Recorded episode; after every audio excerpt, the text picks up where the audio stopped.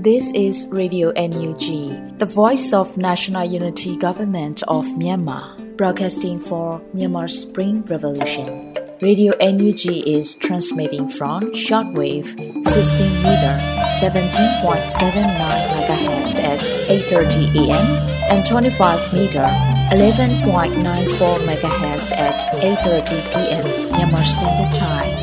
မင်္ဂလာပါရှင်။ မြို့သားညီညွတ်ရေးအစိုးရရဲ့အတံလွှင့်ဌာန Radio NUG ကိုမနက်ပိုင်း၈နာရီခွဲမှာလိုင်းတူ16မီတာ19.89 MHz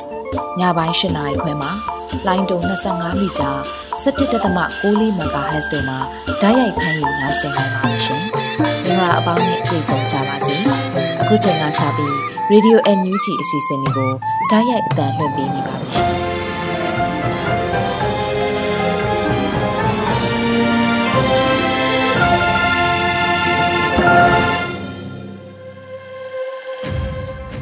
ဂလာနံနက်ခင်းမှာရေဒီယိုသောတာရှင်တွေနေကောင်းချမ်းမာပြီးဘေးပရာဝေးကွာကြပါစေခင်ဗျာရေဒီယိုအန်ယူဂျီကဖေဖော်ဝါရီလ22ရက်နေ့မနက်ခင်းထုတ်လွှင့်မှုတွေကိုစတင်ပါတော့မယ်ပထမဆုံးစီစဉ်ကတော့နောက်ဆုံးရသတင်းစီစဉ်ဖြစ်ပါတယ်စောတဲလူနေကဖတ်ကြားပါမယ်ခင်ဗျာမင်္ဂလာပါခုချိန်ရစပြီးမနက်ပိုင်းပြည်တွင်သတင်းများကိုစတင်တင်ပြပေးပါတော့မယ်ကျွန်တော်စောတဲလူနေပါ ပထမဆုံးသတင်းတစ်ပုဒ်အနေနဲ့ချင်းပြည်နယ်နဲ့ချင်းလူမျိုးဟာပြည်ထောင်စုမြန်မာနိုင်ငံကိုတီထောင်ဘက်ပြည်ထောင်စုတစ်ခုလူမျိုးစုတစ်ခုဖြစ်တယ်လို့ပြည်ထောင်စုဝန်ကြီးချုပ်မန်းဝင်းခိုင်တန်းကပြောကြားလိုက်တဲ့သတင်းကိုတင်ပြပေးသွားပါမယ်။ဖေဖော်ဝါရီလ20ရက်နေ့စိန်ရတုချင်းမျိုးသားနေ့အထိမ်းအမှတ်အခမ်းအနားမှာဝန်ကြီးချုပ်ကအခုလိုဆိုလိုက်တာဖြစ်ပါတယ်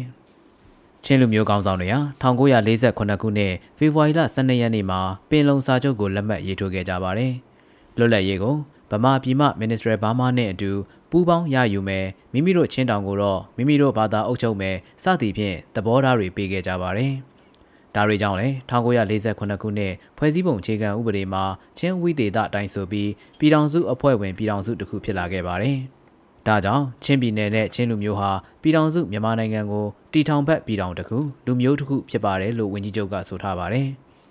ဒါအပြင်စစ်အာဏာရှင်အပိသက်ခြုံငိမ့်ပြီးချင်းနယ်မြေများလွတ်မြောက်ရေးအတွက်ခုခံတွန်းလှန်စစ်ကိုဆင်နွှဲနေကြတဲ့ချင်းပြည်ကာကွယ်ရေးတပ်ဖွဲ့အသီးသီးရဲ့ထူးချွန်ပြောင်မြောက်စွာဆွလွတ်စွန်စားတိုက်ပွဲဝင်နေမှုများကိုအထူးအလေးစားဂုဏ်ပြုကြောင်းဝန်ကြီးချုပ်ကဆိုထားတယ်လို့သတင်းရရှိပါရခင်ဗျာနွေဦးတော်လှန်ရေးဟာနိုင်ငံရေးရည်မှန်းချက်နိုင်ငံရေးအခြေခံသဘောတရားတွေကောင်းကောင်းရှိတယ်လို့ NUG နိုင်ငံခြားရေးဝန်ကြီးဆိုလိုက်တဲ့သတင်းကိုဆက်လက်တင်ပြပေးသွားပါမယ်။ အဆိုပါသတင်းကိုဖေဖော်ဝါရီလ19ရက်အမေရိကန်ပြည်ထောင်စုဆန်ဖရန်စစ္စကိုဘေးအေရီးယားရှိမြန်မာတိုင်းရင်းသားမိသားစုများတွေ့ဆုံပွဲမှာနိုင်ငံခြားရေးဝန်ကြီးဒေါ်စင်မအောင်ကဆိုထားခဲ့တာဖြစ်ပါတယ်။ကျမတို့အစိုးရဟာတော်လှန်ရေးကာလဖြစ်သည့်တိုင်အောင်စီးလွတ်ဝါလွတ်နဲ့သူကတက်လို့ကိုကပြန်တက်တယ်ဆိုတဲ့အနေအထားမျိုးကြော်လွန်ပါတယ်။ ကျမတို့ဒီဒေါ်လာရေးဟာနိုင်ငံရေးရည်မှန်းချက်နိုင်ငံရေးခြေခံသဘောတရားတွေကောင်းကောင်းရှိပါတယ်။ဒါကိုလည်းကျမတို့ပြည်သူလူထုကြီးကနားလည်လိုက်ပါပြီ။ပြီးတော့ကိုယ့်ရဲ့ထောက်ပံ့လိုက်တဲ့ငွေတစ်ချက်တစ်ပြားတိုင်းဟာဒီဒေါ်လာရေးသွားနေတဲ့ပန်းနိုင်ကိုအထောက်အကူဖြစ်နေတယ်ဆိုတာလေးလေးနက်နက်တံမိုးထားစေခြင်းပါတယ်လို့ဝန်ကြီးကဆိုထားပါတယ်။လက်ရှိမှာတော့အမျိုးသားညီညွတ်ရေးဆိုရဟာတနှစ်တာမဟာဗျူဟာစီမံချက်အတိုင်းစစ်ကောင်စီကိုစစ်ရေးနိုင်ငံရေးတန်တမန်ရေးနီလန်းပေါင်းစုံမှစစ်မျက်နှာဖွင့်တိုက်ခတ်လျက်ရှိကြောင်းသတင်းရရှိပါရခင်ဗျာ။ အခုတစ်ခါတင်ပြပေးသွားမှာကတော့ကြေးရွာအချို့ကိုအမျိုးသားညီညွတ်ရေးအစိုးရကလျှက်စစ်မီများပေးနိုင်ခဲ့တဲ့သတင်းပဲဖြစ်ပါတယ်။ဖေဖော်ဝါရီလ19ရက်နေ့ကကျင်းပတဲ့မြို့သားညီညွတ်ရေးအစိုးရနဲ့တကမ္ဘာလုံးရှိပြည်သူလူထုအွန်လိုင်းတွေ့ဆုံမေးမြန်းပွဲတတိယနေ့အခမ်းအနားမှာဝန်ကြီးကအခုလိုဆိုထားတာဖြစ်ပါတယ်။ကျွန်တော်တို့တော်လိုင်းရေးဖွဲ့တွေအတွက်လျှက်စစ်လိုအပ်တဲ့အပိုင်းတွေကိုထောက်ပံ့ပေးရတာရှိပါတယ်။အဲ့ဒီလိုထောက်ပံ့တဲ့အခါစီမံဘဏ္ဍာရေးဝန်ကြီးဌာနကဘတ်ဂျက်တွေရယူတာလည်းရှိပြီး ပြည်သူတွေလျှက်စစ်မီလိုအပ်လို့ရှိရင်လည်းအချို့ကြေးရွာတွေမှာဆိုရင်လျှက်စစ်မီကိုအမျိုးသားညီညွတ်ရေးအစိုးရအောက်ကနေပေးနိုင်ခဲ့တာတွေရှိပါတယ်လို့ဝန်ကြီးကဆိုထားပါတယ်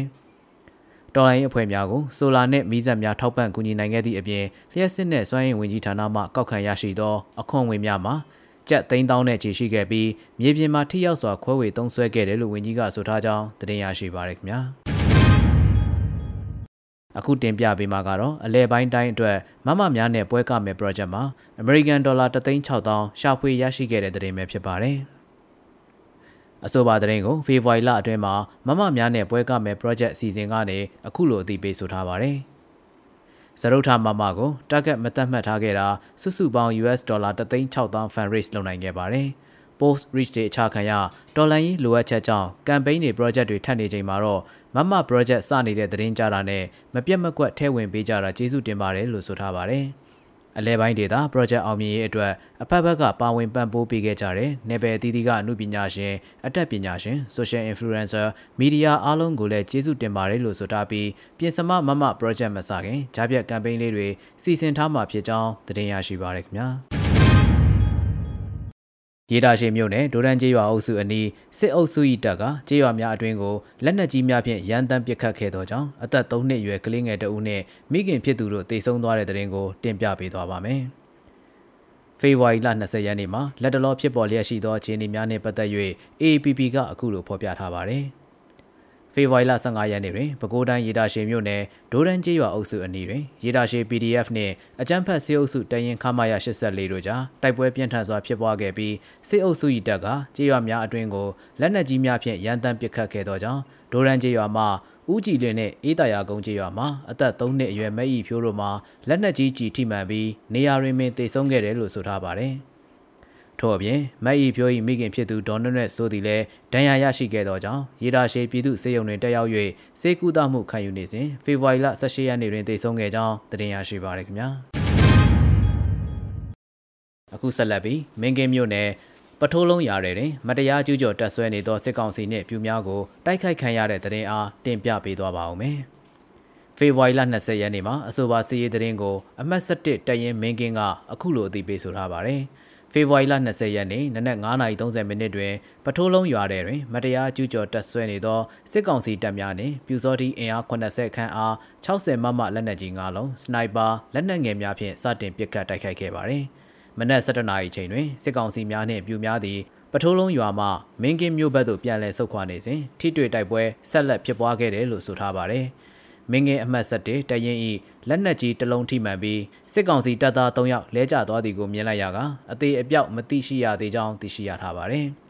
လက်ရှိချိန်တွင်ပထိုးလုံးရွာထဲမှမတရားခိုးယူသွားသည့်ပစ္စည်းများကိုမင်းကင်းမြို့ပေါ်သို့တည်ဆောင်နေပြီးထပ်မံစစ်ကြောင်းတက်လာမည့်အနေအထားရှိပါသဖြင့်ချင်းတွင်းမြစ်အတွင်ပထိုးလုံးရွာနှင့်အနီးတစ်ဝိုက်အားတွာလာမှုမပြုကြပါရန်တတိပေးနှိုးဆော်ထားကြောင်းတင်ရရှိပါရခင်ဗျာ။ မကွေးတိုင်းတရက်မြို့နယ်စင်ကော်ရဲစခန်းအတွင်သို့40မမဘုံလောင်ချဖြင့်ပြစ်ခတ်တိုက်ခိုက်ခံရ၍စခန်းမှုနှင့်ဒူရဲအုပ်အပါအဝင်၃တေဆုံးသွားခဲ့တဲ့တဲ့တင်ကိုဆက်လက်တင်ပြပေးသွားပါမယ်။ဖေဖော်ဝါရီလ20ရက်နေ့မှာအဆိုပါစီးရေးတဲ့တင်ကိုတရက်ခရိုင် PDF တရင်လေး Eagle Force ကအတီးပြုဆိုထားခြင်းဖြစ်ပါတယ်။ဖေဖော်ဝါရီလ20ရက်နနက်6နာရီခန့်ကတရက်မြို့နယ်စင်ကော်ရဲစခန်းအတွင်သို့40မမဘုံပစ်လောင်ချဖြင့်၃ချက်ပစ်ခတ်တိုက်ခိုက်ခဲ့ရာရဲစခန်းအတွင်သို့နှလုံးကြောက်ရောက်ပောက်ကွဲခဲ့ပါတယ်လို့ဆိုထားပါတယ်။ အဆိုပါဘုံသီးကြားရောက်ပောက်ကွဲရေးစခန်းမှုတစ်ယောက်ဒုရဲအုပ်တစ်ယောက်နဲ့ဒုတက်ချက်တစ်ယောက်အပါအဝင်စုစုပေါင်း3ယောက်တိတ်ဆုံးခဲ့တယ်လို့ဆိုထားပါတယ်။ဒါအပြင်စစ်ကူလာသောကပ္ပစစနစ်မှစစ်ကောင်စီတပ်များလိုက်ပါလာသောရင်နှန်းကိုလမ်းခုလက်မှမိုင်းဆွဲတိုက်ခိုက်ခဲ့ရာ9ဦးထပ်မံတိတ်ဆုံးခဲ့ကြောင်းသတင်းရရှိပါရခင်ဗျာ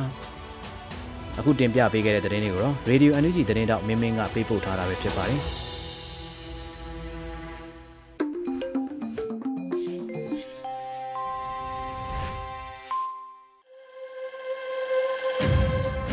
နောက်ဆုံးရသတင်းအစုံလင်ကိုနားဆင်လို့အပြီးမှာတော့ပြည်သူခုခံစစ်သတင်းများကိုနားဆင်ရပါဦးမယ်။အောင်တွေဦးကတင်ပြထားပါတယ်ခင်ဗျာ။ပထမဦးစွာကြောင်းမြတ်တောင်စစ်တပ်စခန်းကို PDF များကတိုက်ခိုက်သိမ်းပိုက်တဲ့သတင်းတင်ဆက်မှာပါ။စကိုင်းတိုင်းရင်းမပင်နဲ့စားလင်းကြီးအဆက်ရှိစစ်တပ်စခန်းငယ်ကို PDF တပ်ဖွဲ့များကတိုက်ခိုက်သိမ်းပိုက်ခဲ့ရာစစ်သား10ဦးတေဆုံးခဲ့ကြောင်း KLG PDF ကထုတ်ပြန်ပါတယ်။ ဖေဖော်ဝါရီလ19ရက်နေ့ညနေ9:00နာရီမိနစ်30ခန့်တွင်စားလင်းကြီးမြို့နယ်နှင့်ရင်းမပင်မြို့နယ်အဆက်ကြောင်းမြတ်တောင်ပေါ်၌တပ်ဆွဲထားသောစစ်တပ်စခန်းငယ်ကို PDF တပ်ဖွဲ့များကဝင်ရောက်စီးနှင်းသိမ်းပိုက်ခဲ့ပြီးတိုက်ပွဲတနာရီကြော်ကြာဖြစ်ပွားကစစ်သား10ဦးတေဆုံးခဲ့ပြီး PDF ရဲဘော်တအူးကြာဆုံးကစခန်းငယ်ကိုသိမ်းပိုက်နိုင်ခဲ့ကြောင်းသိရပါတယ်။အဆိုပါစခန်းငယ်အတွင်းမှာ M40 နင်းမိုင်းအလုံး40စနစ်တန်ပါ MG1 plastic လက်ပစ်ပုံအလုံး30 M5 ရှစ်တော့မိုင်းအလုံး90နဲ့ drone ပစ်ချသည့် anti drone gun တစ်လက်တင်စီရမိခဲ့ကြောင်းထုတ်ပြန်ထားပါတယ်။ဆက်လက်ပြီးရွှေဘုံမြို့နယ်တွင်စကားဆစစ်ကြောင်းမိုင်းဆွဲတိုက်ခိုက်ခံရတဲ့တဲ့တင်တင်ဆက်ပါမယ်။စကိုင်းတိုင်းရွှေဘုံမြို့နယ်တွင်စစ်တပ်စစ်ကြောင်းမိုင်းဆွဲတိုက်ခိုက်မှုများ ဆက်လက်လှုပ်ဆောင်ခဲ့ရာစစ်သား9ဦးသေဆုံးပြီးထိခိုက်ဒဏ်ရာရရှိမှုများပြားကြောင်းနက်တောင်နဂါပြည်သူ့ကာကွယ်ရေးတပ်ဖွဲ့ကထုတ်ပြန်ပါတယ်။ဖေဖော်ဝါရီလ14ရက်မွန်းလွဲ3နာရီအချိန်ရွှေဘုံမြို့နယ်မဲတော်မှပလိုင်းကြီးရသို့ထွက်ခွာလာသောအင်အား150ခန့်ပါစစ်ကြောင်းကိုမဲတော်နှင့်ပလိုင်းကြားတွင်ကြိုတင်ဆောင်ဆိုင်ပြီးမိုင်းဆွဲတိုက်ခိုက်ရာစစ်သား15ဦးနှင့်အထက်ထိခိုက်ဒဏ်ရာရရှိခဲ့ကြောင်း တေဆုံးမှုကိုအတည်ပြုနိုင်ရေးစုံစမ်းနေဆဲဖြစ်ကြောင်းနတ်တောင်တကားပြည်သူ့ကာကွယ်ရေးတပ်ဖွဲ့မှတာဝန်ရှိသူကဆိုပါတယ်။အလားတူဖေဖော်ဝါရီ19ရက်နေ့ညနေ4နာရီခွဲအချိန်မဲတော်မှရွှေဘိုတို့စစ်ကြောင်းပြန်ပေါင်းရန်ထွက်လာသောအင်အား80ပါစစ်ကြောင်းကိုထပ်မံမိုင်းဆွဲတိုက်ခိုက်ခဲ့ရာစစ်သား9ဦးသေဆုံး၍အများအပြားဒဏ်ရာပြင်းထန်ကြောင်းစစ်စင်ရေးကိုနတ်တောင်နဂါးပျောက်ကြားတပ်ဖွဲ့နဲ့မဟူယာမြင်းရိုင်း CDF ရွှေဘူ ဇာမနီရတနာသိန်ခပျောက်ကြားတပ်ဖွဲ့တို့ကပူးပေါင်း၍ဖောက်ခွဲတိုက်ခိုက်ခဲ့ခြင်းဖြစ်ကြောင်းစစ်တပ်ဘက်ကလက်နက်ကြီးလက်နက်ငယ်များဖြင့်ပြန်လည်ပစ်ခတ်ခဲ့ပြီး PDF ရဲဘော်တအူပျောက်ဆုံးနေကြောင်းသိရှိရပါတယ်။ဆက်လက်ပြီးရင်းမြို့နယ်တရားစစ်စေးရေးဂိတ်စခန်းကိုရေဘလူးတပ်ဖွဲ့ကဝင်ရောက်စီးနင်း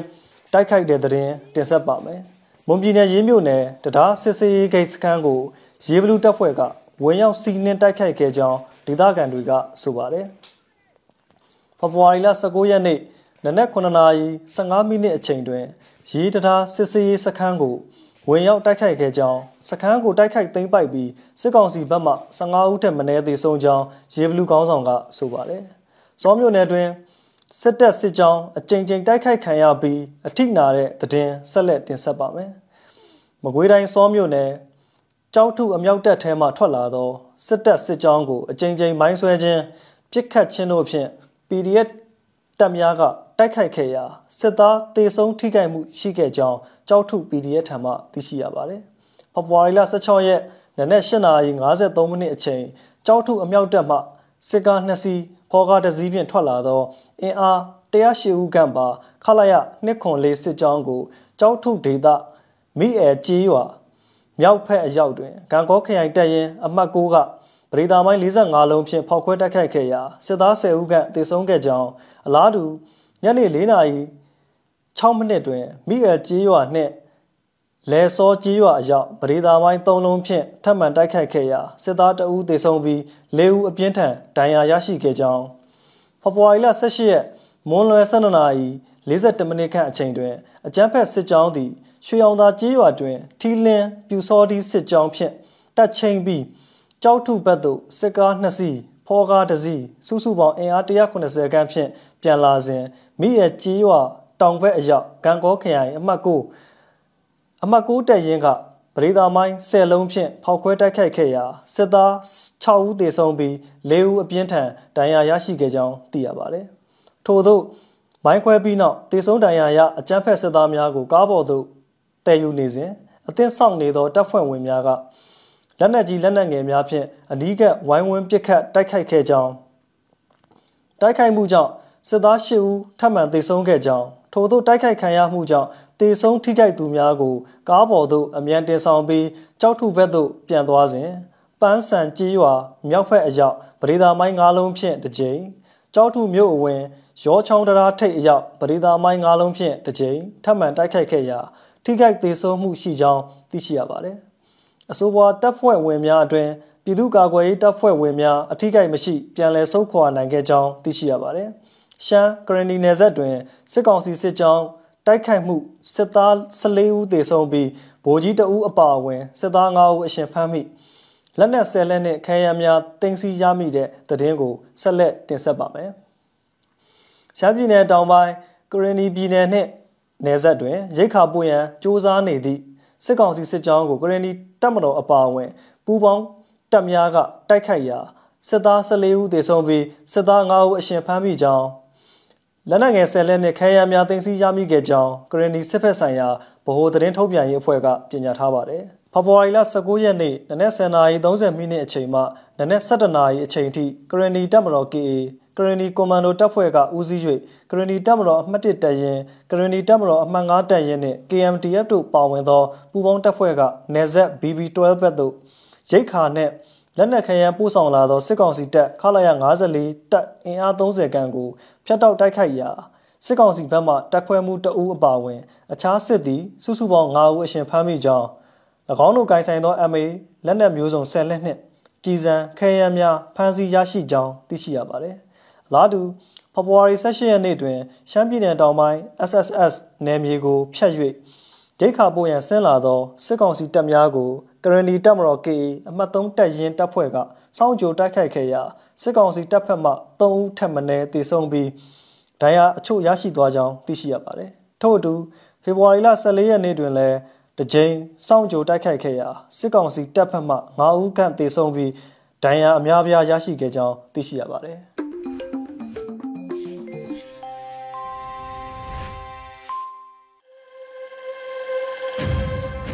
ရေဒီယိုအန်ယူဂျီကဆက်လက်အတန်လွင့်လျက်ရှိပါတယ်အခုတဖန်နားဆင်ရမှာကတော့တော်လိုင်းရေးနုပညာကဏ္ဍအနေနဲ့နေသွင်းတိုင်းရေးသားထားတဲ့ခန်းစားချက်အစီတပုတ်ဖြစ်ပါတယ်လွတ်လပ်ຫນွေဦးကခန်းစားရွတ်ဖတ်ထားပါတယ်ခင်ဗျာ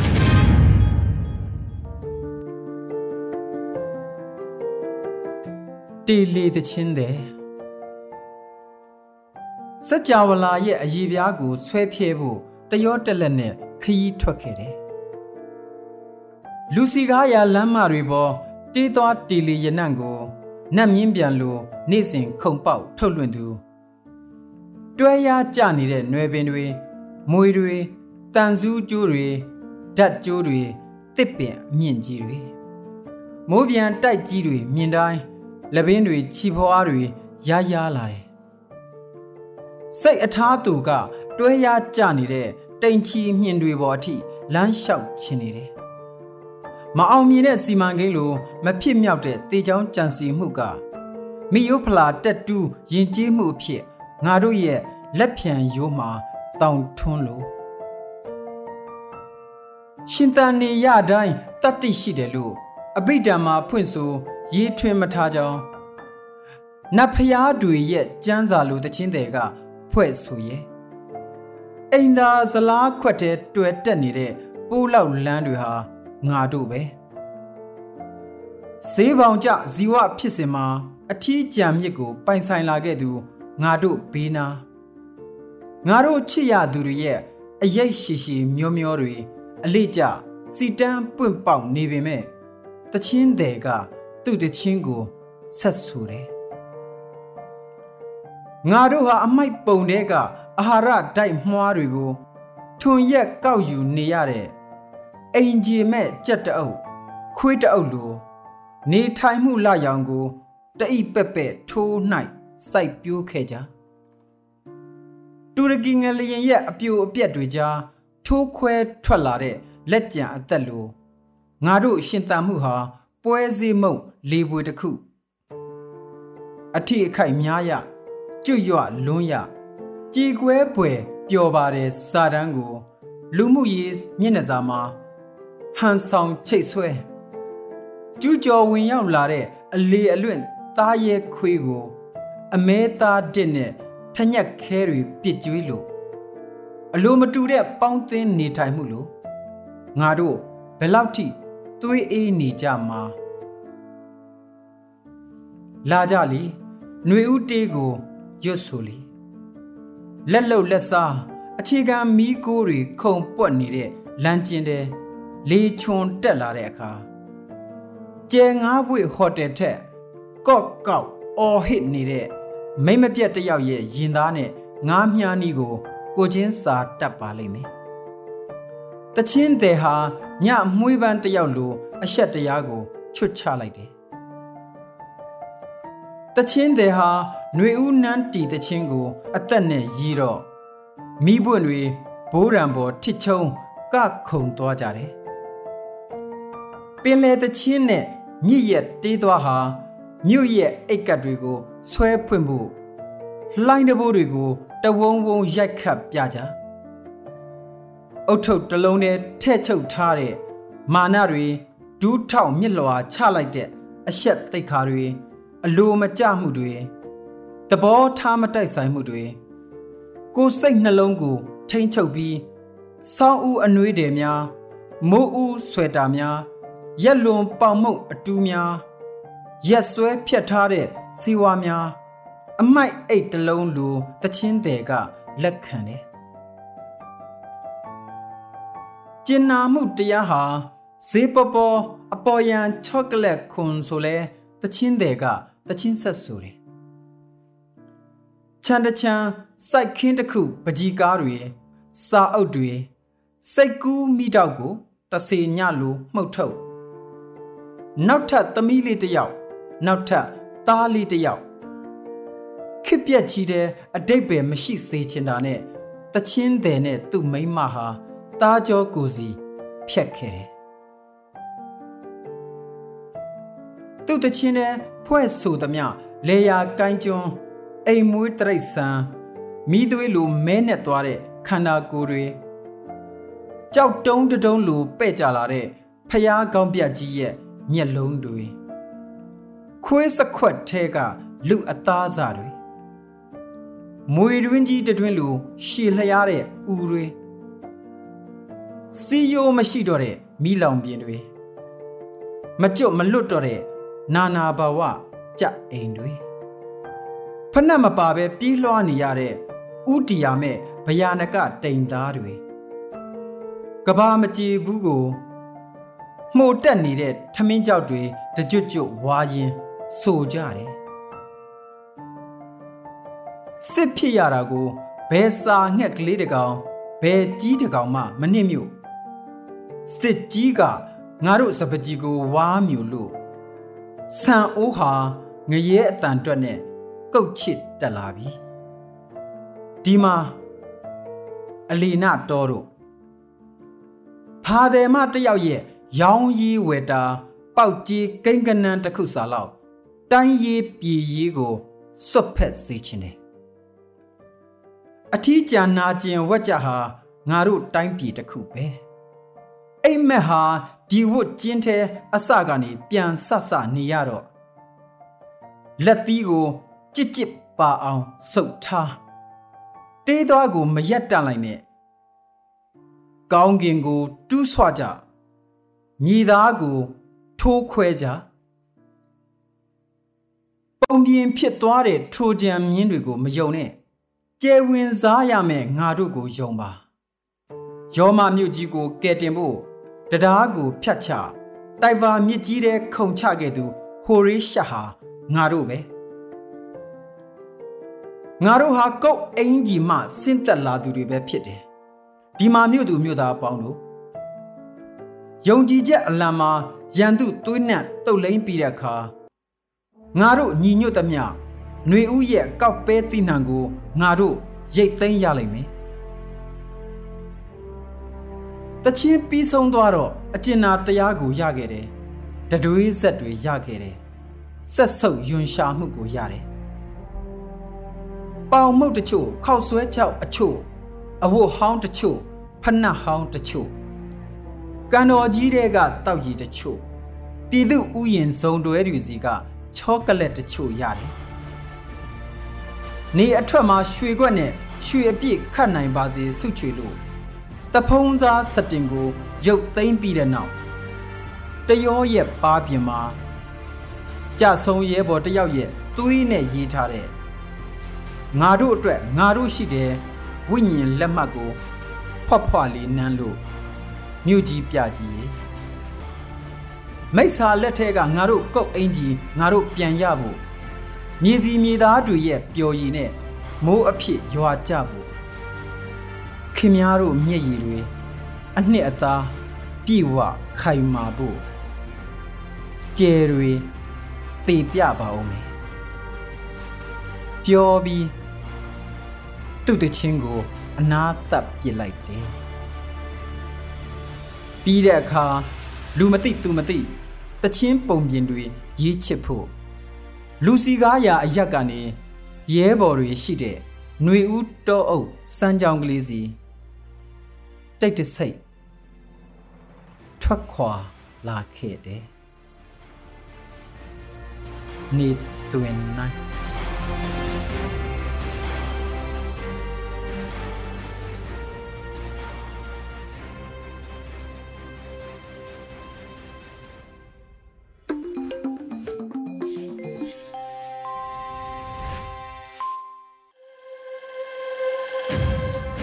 ဆက်လက်ပြီး PPTV ရဲ့နေ့စဉ်သတင်းများကိုထက်ထက်အင်ဒရာအောင်ကတင်ပြပါတော့မယ်ဓမ္မအောင်ဆုံးတင်ဆက်ပေးမှာကတော့မြို့သားညွေရေးအစိုးရအဖွဲ့က85နှစ်မြောက်စိန်ရတုချင်းမြို့သားနေကိုတုံ့လွှာပေးပို့တဲ့တဲ့မှာ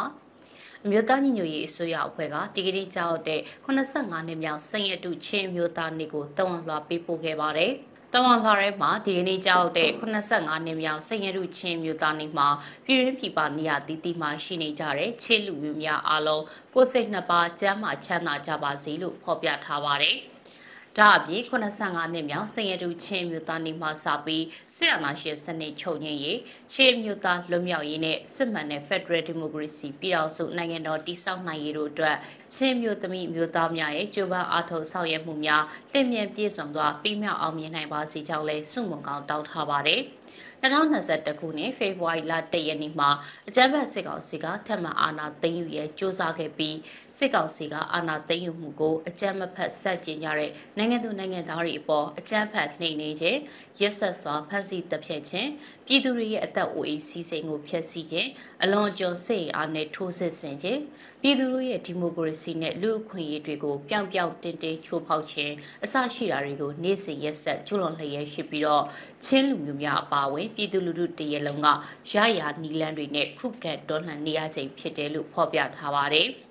ဆရာနာရှင်စနစ်အပိသက်ခြုံငင်းပြီးချင်းနယ်မြေများလွတ်မြောက်ရေးအတွက်ခုခံတော်လှန်စစ်ကိုဆင်နွှဲနေကြတဲ့ချင်းပြည်ကာကွယ်ရေးတပ်ဖွဲ့အသီးသီးရဲ့ထူးချွန်ပြောင်များစွာဆွန့်လွတ်ဆွန်စားတိုက်ပွဲဝင်နေမှုတွေကိုအထူးလေးစားဂုဏ်ပြုပါကြောင်းနဲ့၎င်းတို့အတွက်တထိုင်တဲ့ဘက်ကပါဝင်ကူညီလှူဒန်းပေးကြတဲ့ပြည်တွင်းနဲ့နိုင်ငံတကာမှာရှိတဲ့ချင်းလူမျိုးများချင်းအဖွဲ့အစည်းများအပါအဝင်တိုင်းသားညီကိုမောင်နှမများကိုအထူးကျေးဇူးတင်ရှိပါကြောင်းလဲသုံးလတဲ့မှာအလေးနဲ့ဖော်ပြထားပါတယ်။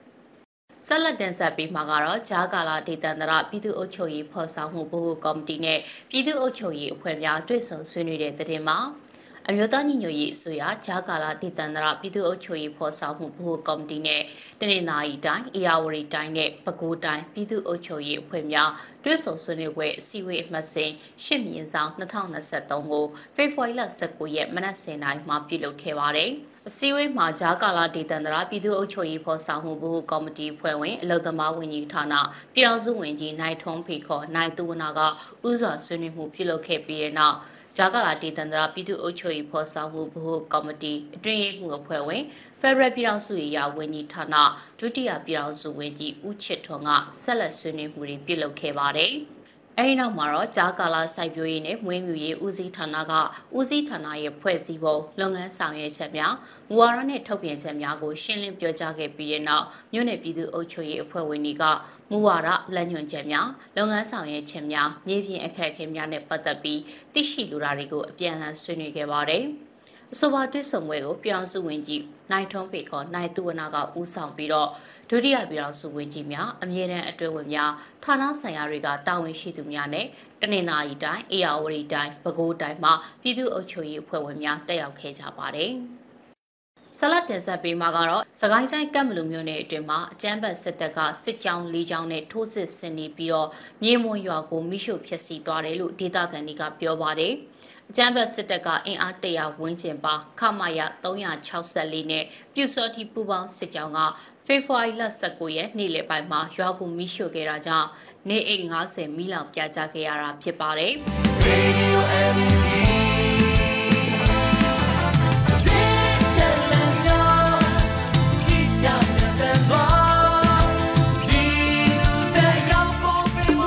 ဒီကနေ့ကတော့ဒီညနဲ့ပဲ Radio NUG ရဲ့အစီအစဉ်လေးကိုခਿੱတရနာလိုက်ပါမယ်ရှင်။မြမစံတော်ချိန်မနက်၈နာရီခွဲနဲ့ည၈နာရီခွဲအချိန်မှာပြန်လည်ဆုံတွေ့ကြပါစို့။ Radio NUG ကိုမနက်ပိုင်း၈နာရီခွဲမှာလိုင်းတူ16မီတာ19.8 MHz